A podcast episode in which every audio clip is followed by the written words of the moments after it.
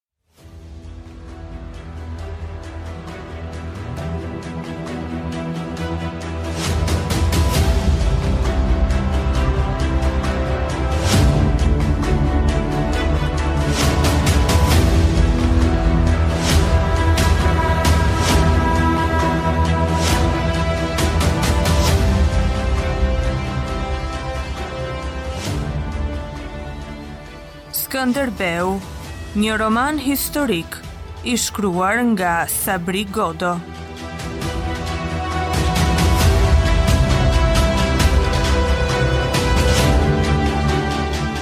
Kapitulli 11 Në fushën e Domosdovës kishin mbetur 7000 turq të vrarë, u zunë 500 robër dhe i gjithë kampi armik. Ushtria u dha pas plaçkës së robërve dhe askush nuk e ndoqi Ali Pashën, që theu prita të lehta të vëna nga Hamzai dhe kaloi me pjesën tjetër të ushtrisë në Qafthanë. Skënderbeu e pa armikun të ngjitej përpjetë maleve me dushk e me gurë dhe uli krahët. Armiku s'mund të ndiqej. Beteja kishte zgjatur vetëm 3 orë. Por pritja e gjatë para nisjes dhe pastaj ato tri orë, kishin dashur dhe pikën e fundit të fuqive të secilit. Ushtria mbahej ende më këmbë vetëm nga gëzimi i lartë i fitores dhe ethja e plaçkës. Vrana Kondi tërhiqte të vrarët buzë lumit, Të plagosurit po drejtoheshin nga fshati Torvjoll. Ishin vrarë 1680 veta, ndërmjet tyre 120 kapitenë. Të plagosurit ishin 2000. Në çdo katër ushtarë që u radhitën atë mëngjes në betejë, njëri gjendej përtokë. Skënderbeu eci në këmbë përmes të vrarëve e të plagosurve, i përcjellë nga Vrana Kondi. Sa më tepër ecte, aq më shumë i shtohej ankthi. Tani po shihte të plotë kërdinë. Pa njerëz me gjymtyrë të prera që rrinin të heshtur, të tjerët që nuk u dukeshin plagët por që vuanin dhimbje të patreguara. Të tjerë që prisnin në agoni, radhën për të kaluar në thikat e mprehta të xherahëve, të mbuluar me gjak, rënkimet përziheshin me qeshjet. Çdo njëri e duronte dhimbjen në mënyrën e vet. Ktheheshin nga Skënderbeu t'i bënin pyetje. Sa ishte numri i turqve të vrarë? A u kap Ali Pasha në qafën e Thanës? Jo, nuk u kap. E të shkretën, ku dihet, po e ndjek Hamza Kastrioti. Fytyrat e zbeta merrnin gjak. Plagët i kishin të nxehta dhe shpirtrat të egërsuar. E keqja ende nuk po i vinte poshtë. Ndonjërit i binte të fikët. E keqja do të vinte më pas. Ata që ngriheshin për të folur, përmbyseshin prapë mbi plagët e tyre, pa zë, me sy të veshur, me dhëmbët shtrënguar të mendonin fatin e armikut. Një ushtar me krahun e prerë, poshtë bërrylit, bëri një lëvizje të gabuar. U kthye në brinjë që të fliste dhe u rrokullis. Të tjerët qeshën. Ushtari u ngrit ndenjur, hapi gojën, po në vend të fjalëve, i doli një afsh i nxehtë, sytë iu mbuluan me lotë dhe rrahu tokën me grusht. nga kuajt dhe qerret po zbrisnin të plagosur të tjerë.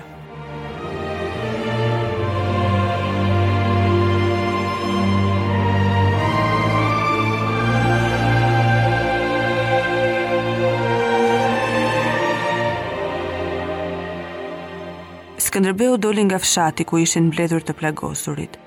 Ishte mësuar që në rininë e hershme, me beteja të përgjakta, e shihte jetën dhe vdekjen, me të njëjtën lehtësi. Kurse atë ditë po ndjente një ndryshim që do ta ndiqte tërë kohën, në gjithë luftrat e ardhme. Gjaku i njerëzve të vet paskësh qenë tepër i çmuar. Çdo pikë gjaku, kurse aty ishte bërë kërdia. U ul mbi një gur dhe ndenji si i mbledhur kruspull me kokën mbi gjoks. Vranakonti i vuri dorën në sup, e pa me shqetësim se mos po mbante ndonjë plagë të fshehtë. Fitore e rëndë, tha Skënderbeu, me fytyrën e ndryshuar nga dhimbja. Vranakonti tha se s'kishte mbetur burri pa gjakosur me gjakun e vet e me gjakun e armikut. Eci në krah të Skënderbeut dhe foli ngadalë, buzagaz dhe me krenari. Tha se atë ditë mësuan ta thyenin turkun dhe ky mësim e vlente çmimin. Skënderbeu e pa me mirënjohje. Vranakonti tha një të vërtetë të madhe e të drejtë. Kishte ndodhur edhe ajo që Skënderbeu e kishte dashur me shpirt të drithëruar, pa e besuar as vetë. Shqiptarët qëndruan së bashku dhe thyen turkun. Megjithatë Torviolli nuk duhej përsëritur kurrë. Skënderbeu rrinte para çadrës së tij në kodër dhe shikonte ndezjen e zjarrit të madh, rreth të cilit do të mblidheshin kapitanët në darkën e fitores. Ndezja e zjarrit është një rit i vjetër që gjithnjë ka ngjallur një shqetësim në shpirtin e njerëzve. Dasmat, ashtu edhe ceremonitë e përmortshme, nisnin me ndezjen e zjarrit. Zjarri në vatër ishte altari i bashkimit të familjes dhe i vazhdimit të jetës. Në fushën e gjerë të lëmuar e të shkelur, mbaheshin ngritur vetëm plepat e rrallë. Disa kalorës edhe ndonjë këmbësor, endeshin nëpër fushë duke kërkuar. Pastaj gjithçka u mbulua nga hijet e mbrëmjes dhe fusha u tërhoq në thellësi, nën peshën e kufomave të njerëzve dhe kafshëve. Ushtria rrëzë kodrave po ndizte zjarret dhe lart në male flakërinin zjarre të tjera. Nga mali në mal, vargu i zjarreve do të lajmëronte Krujën për fitore. Atë çast ndriti dhe shkëlqeu në shpirtin e Skënderbeut beteja e Torviollit. Tani e dinte se ç'do t'u thoshte kapitanëve. Kur zbriti poshtë të kryesonte darkën, Ai e mbante brenda vetes fitoren si një krijesë të gjallë. Por ai e dinte se vetëmburrja nuk falet dhe kur u çua të bënte urimet, e shpërndau bujarisht lavdinë duke e lënë veten pas dore. Ai tha se qendra e ushtrisë me zor do të ishte mbajtur pa Ajdinin të plagosur dy herë, flakë e gjallë, që i dha zemër dhe ushtarit më të dobët. Një nder i madh i përkiste Moisiut, që zgjodhi vendin e betejës dhe i pari e dërmoi armikun. Dhe ai e të gjithë ata nuk festonin tani fitoren sikur Tanush Topia me ushtrinë e vet dhe me lebërit e Aranitit, të mos kishte pritur në gjoksin e tij mësymjen e rëndë të armikut nga e djathta. Kushdo e pa me sytë e vet, se fatin e betejës e ktheu nga e mbara Hamzai me Pejkun dhe Zaharin. Dhe vetë Skënderbeu do të dëshmonte në jetë të jetëve se kur ra në fushë si gjëmim i Vrana Kontit, mbi armikun ra grushti i vdekjes. Kapitenat e shihnin tani betejën me të njëjtin sy siç e shihte Skënderbeu. Ai ndjeu se i kishte tërhequr pas vetes dhe zemra i rritej. Pastaj thirri me emër dy ushtarë që e kishin mbrojtur me trup përgjatë përleshjes të pinin verë në kupën e tij. E kishte nisur me të qetë të ngrinte lart të tjerët, që të fitonin krenarinë dhe besimin për të ardhmen. Por zjarret që flakërinin rreth fushës e në male, derdhja e mendimit të ndrydhur, vetë fjala e tij, e rrëmbyen dhe uronte me gjithë zemër e pinte dollinë e secilit. Me shëndetin dhe gëzimin e qartë dhe zërin e thellë, ai vetë i ngjante tani një zjarri që kërcet e rritet duke përhapur ngrohtësinë.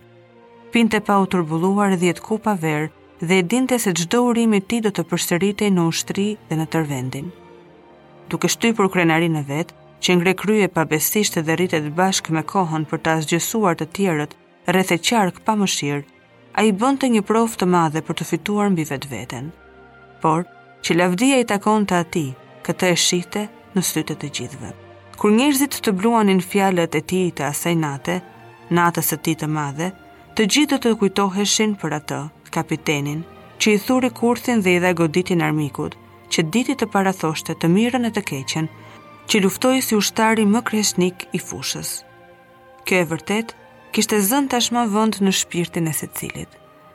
Kapiteni i madh qëndronte tej fjalëve dhe tej shpërblimit, kishte filluar rritja e vrullshme, që për dhjetë vjet nuk do të njihte të ndalur.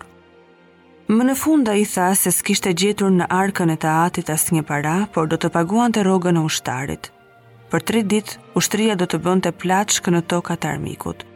Një e pesta e plaçkës së çdo çete do të hiqej për të plagosurit heronjtë që dergjeshin në fshatin e Torviollit. Kapitenët qeshën. Drejtësia dhe thjeshtësia e tij do t'i hapnin në ushtri një emër po aq të madh sa dhe mendja e shquar dhe trimëria e krahut. Ditën e tretë, kur u mblodh sërisht ushtria që kishte bërë plaçkë në fshatin e Strugës dhe rreth Ohrit, vdiq Ajdin Stresi. Ishte mbajtur mirë në darkën e fitores dhe të gjithë besuan se i kishte plagët e lehta. Vdiqën edhe 400 të plagosur të tjerë, duke ecur nëpër vapë anës Shkumbinit. Në gusht erdhën në Krujë të dërguarit e Hungarisë, Polonisë, Vatikanit, Venedikut dhe Raguzës, të uronin Skënderbeun për fitoren e madhe të papritur. Sulltani nënshkroi paqen e Segedinit dhe i ktheu Gjergj Brankoviçit despotatin e Serbisë së bashkë me të dy djemtë e verbuar. As Evropa, as Huniadi i Madh nuk i dërguan Skënderbeut ndonjë ndihmë. Nuk e parapanë se me Skënderbeun kishte dalë në Ballkanin Perëndimor një forcë që do të ndalte aty sulmin turk për 20 vitet e ardhshme. Si nënshkroi paqen dhjetëvjeçare me Huniadin, Sulltan Murati shkoi në Anadoll të zbrapste një sulm të ri të kunatit të tij, emirit të Karamanisë. Kur jeniçerët bënë disa turbullira dhe i vunë zjarrin një pjese të kryeqytetit, përkrahësit e paqes në Europë ndërruan mendje. Lulëzonin kushtet për të dëbuar turkun përtej detit. Më një shtator, Huniadi kaloi Danubin dhe iu drejtua Varnës. Murati bëri paqe me emirin e Karamanisë dhe u kthye me shpejtësi në Europë, duke u paguar detarëve gjenovezë që i kaluan në ngushticat një dukat për ushtar. Ai do t'i tregonte Evropës se nuk i kishte bërë mirë llogaritë kur besonte se mund të kapte ndërmjet dy zjarreve një prijës si Sulltan Murati. Më njëmbëdhjetë nëntor, Murati gjendej në Varnë. Ai vuri përpara ushtrisë traktatin e paqes që po shkelmonin të pabesët duke thirrur mbi ta mallkimin e Zotit. Pastaj Murati nisi atë betejë që e humbi dhe e fitoi nga një gjë krejt e rastit, kur po i hipte kalit për të marrë arratinë. Mbreti Vladislav u vra nga një jeniçer i thjeshtë i cili e ngriti kokën e tij në një majë shtize.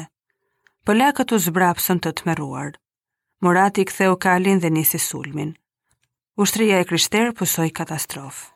Pas Varnës, princat e vegjël të Azisë shpejtuan t'i përkuleshin Muratit, ndërsa Venediku, Gjenova, perandori i Bizantit, nënshkruan me të një traktat paqeje. Sultani u jepte liri tregtarëve të këtyre vendeve, tejendanë Turqisë. Në mendjen e sultanit sundonte heshtja, Ambasadorët shtyheshin me bryla që të binin në gjunjë para tij. Ai u falte të gjithëve dhurata dhe buzëqeshje. Varna luhatej në sytë e tij. Kishte fluturuar një shtizë dhe kishte rrëzuar një mbret dhe nga kjo kishte shpëtuar një perandori e ngritur mbi dy kontinente me njëqind vjet luftëra të paprera. Edhe sikur ai mbret i krisur, të mos ishte vërtitur përpjetë me kalin e tij të bardhë, tani koka e një sultani të madhë do të kapej majë një huri. Sultani mendonte për fatin, buzëqeshte, nënshkruante traktatet me ambasadorët e vendeve që kishte mundur një muaj më parë.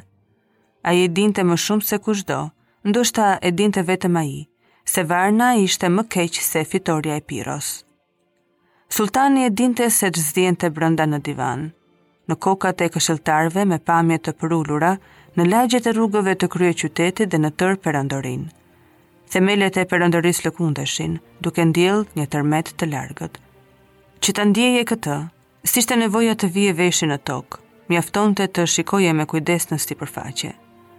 Aristokracia e re, e rritur në vitet e pushtimeve të vrullshme, e dalë nga radhët e rajave, për të hyrë në klasën sunduese ushtarake të spahinve e nganjëherë për t'u ngjitur deri në rangjet e oborrtarëve të lartë, i shihte luftërat si një bekim të Zotit dhe kërkonte gjithnjë më tepër vend në ushtri dhe në punët e shtetit. Por nuk lëshonte vend fisnikëria e vjetër. I donte të gjitha për vete, çdo pëllëmbë toke që pushtohej, ofiqet, pasuritë, doganat. Kjo përleshje nën jorgan që po shkallmonte shtetin, s'mund të rreshtej më tej me të butë e me fermane. Koka e sultanit bloi gjatë. Punët kishin qenë të thjeshta në kohën e profetit Muhamet. Ai i kalonte vështirësitë e ditës, duke shpallur në mëngjes bisedat vetjake që kishte pasur me Zotin natën, në ca shpella mali ose në udhëtimet drejt në qiell. Tani, në shekullin e barutit dhe të sheqerit, kur islamizmi ishte kryqëzuar me krishtërimin, nuk ecte më tej një lojë e tillë. Tani duhej një dredhi e re, e njohur në Turqi që të përmbyste shpirtrat për t'i sjellë në vete. Kështu lindi në kokën e Sulltanit ideja e një shakaje të vjetër, që askush nuk kishte guxuar ta bënte në shkallën që ai e sajoi. Ai ishte strumbullari i perandorisë dhe do të hiqej mënjanë, duke e lënë perandorinë të pastrumbulluar. Do t'u linte rrugë të lirë përleshjes së qenve, tërë forcave që donin të shfrynin. Atëherë do të ngjiste tërmeti, kalbësia do të dilte në sipërfaqe, vrasjet, dhunimet, grabitjet ditën dhe zjarret natën, tmerri dhe paraliza e përgjithshme do të ishte djepi i perandorisë. Ai do ta vëzhgonte këtë qetësisht nga një pikë e veçuar, derisa mileti i besnikëve të bindej se i vetmi shpëtim ishte ai vetë. Murati i dytë. Atëherë do të kthehej dhe perandoria do të dergjej në këmbët e tij, si një grua të cilës nuk i ka mbetur dëshirë tjetër veç të bindet e të shërbejë. Sultani filloi t'i falej Zotit gjithnjë e më shpesh dhe t'i shikonte njerëzit si gjynahqarë të pandreqshëm. Ai vetë, që kishte lënë mënjanë si një llogari të pambyllur besimin te Zoti, Tani e thërriste atë me zë të lartë e me sy të mallëngjyer. Si vazhdoi kështu një dy javë, dha dorëheqjen në favor të Mehmetit, të birit dymbëdhjetë vjeçar, dhe shkoi të bënte pendesë më të plotë në Magnezi, në vendin më të bukur të Anadollit. Komediani i madh, që kishte mësuar t'i hutonte dhe t'i qeveriste njerëzit, ishte i bindur se ua hodhi bashkëkohësve. Por, nuk i shkonte ndërmend se do t'ua kalonte nën vete dhe shumë historianëve të ardhshëm, të cilët besuan se ajo ishte periudha e krizës shpirtërore që i erdhi Muratit nga gjaku i derdhur në pushtime të panevojshme dhe nga paudhësitë e racës njerëzore. Ai do të kthehej përsëri në fron pas 18 muajve, gjatë të cilave perandoria do të përkundej, por nuk do të binte dhe kur ta quante punën të pjekur,